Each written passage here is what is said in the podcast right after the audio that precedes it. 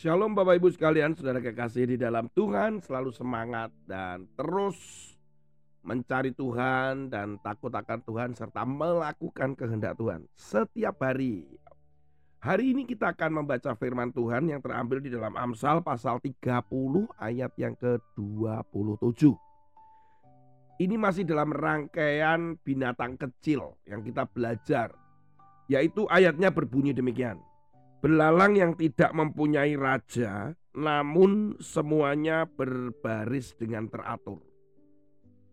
Ini melihat bahwa skupnya atau topiknya dan fokusnya adalah pada kedisiplinan.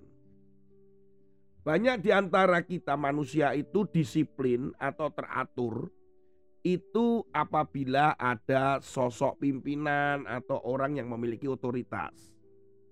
Jadi kalau kita sedang ada di jalan pun kita akan taat lalu lintas kalau ada polisinya, begitulah ya. Itu itu gambaran yang umum dan yang paling sederhana. Tetapi ada banyak hal yang lain. Misalkan di tempat kerja.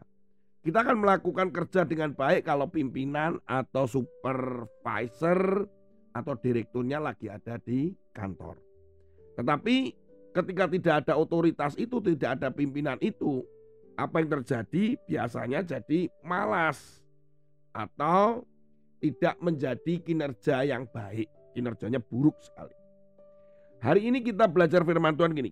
Belalang itu binatang kecil, tetapi ketika dia tidak ada rajanya, ya dia tetap melakukan itu secara teratur, mencari makanan, kemudian menyimpan makanan, terbang ke sana kemari, kemudian bersarang di mana. Mereka teratur hidupnya, disiplin.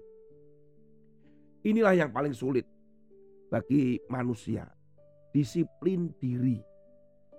Karena kita akan melakukan peraturan atau aturan itu, itu berdasarkan sesuatu yang melalui beberapa tahap sebenarnya. Setidaknya ketika saya skripsi, saya membahas hal ini tentang dilema moral. Saya mengambil salah satu teori daripada Kolberg. Ini Kolberg ini adalah salah satu tokoh uh, di psikologi yang terkait dengan perkembangan moral. Jadi manusia ini mengikuti aturan dengan kedisiplinan itu ternyata melalui beberapa tahap. Kolberg itu mengatur dalam tiga tahap secara garis besar. Prakonvensional, yang kedua adalah konvensional, ketiga adalah pasca konvensional. Yang paling tinggi tentunya dikatakan sebagai pasca konvensional. Jadi setidaknya tingkatan begini. Kenapa orang melakukan? Jadi kenapa saya uh, datang pagi hari bekerja? Kenapa saya melakukan ini, saya melakukan itu dengan teratur? Ternyata manusia ini bisa melakukan itu yang pertama, ini adalah tahap prakonvensional itu orientasinya pada kepatuhan dan hukuman. Jadi saya melakukan ini karena takut dihukum. Saya melakukan ini karena takut uh, saya mendapatkan uh, punishment. Ini yang paling rendah. Orang melakukan kedisiplinan karena takut atau karena dia dihukum nantinya. Kalau saya salah dihukum. Orang percaya, orang Kristen pun juga mungkin ada pada tahap ini loh. Saya ini pergi ke gereja supaya Tuhan tidak marah. Saya ini perpuluhan supaya Tuhan tidak menghambat berkat saya. Ada sanksi di belakang itu, melakukan kedisiplinan, melakukan sebuah aturan itu karena takut dihukum. Yang kedua, tahap berikutnya begini, melakukan sesuatu dengan disiplin itu apa untungnya buat saya? Kalau itu menguntungkan buat saya, maka saya melakukan. Saya pergi ke gereja kalau itu menguntungkan buat saya, saya mendapatkan berkat, saya mendapatkan offering, saya khotbah, saya melayani, saya main musik, saya mendapatkan berkat. Nah, itu menguntungkan buat dia.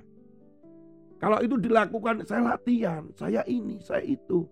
Maka itu adalah tahap moral yang dilakukan yang masih rendah.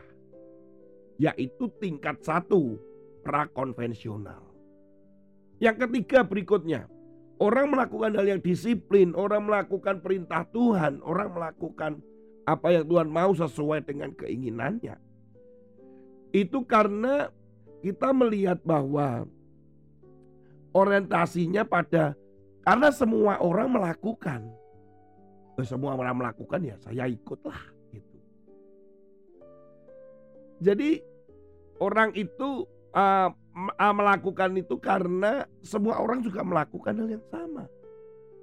Kemudian yang keempat adalah yaitu karena aturan di dalam gerejanya memang demikian.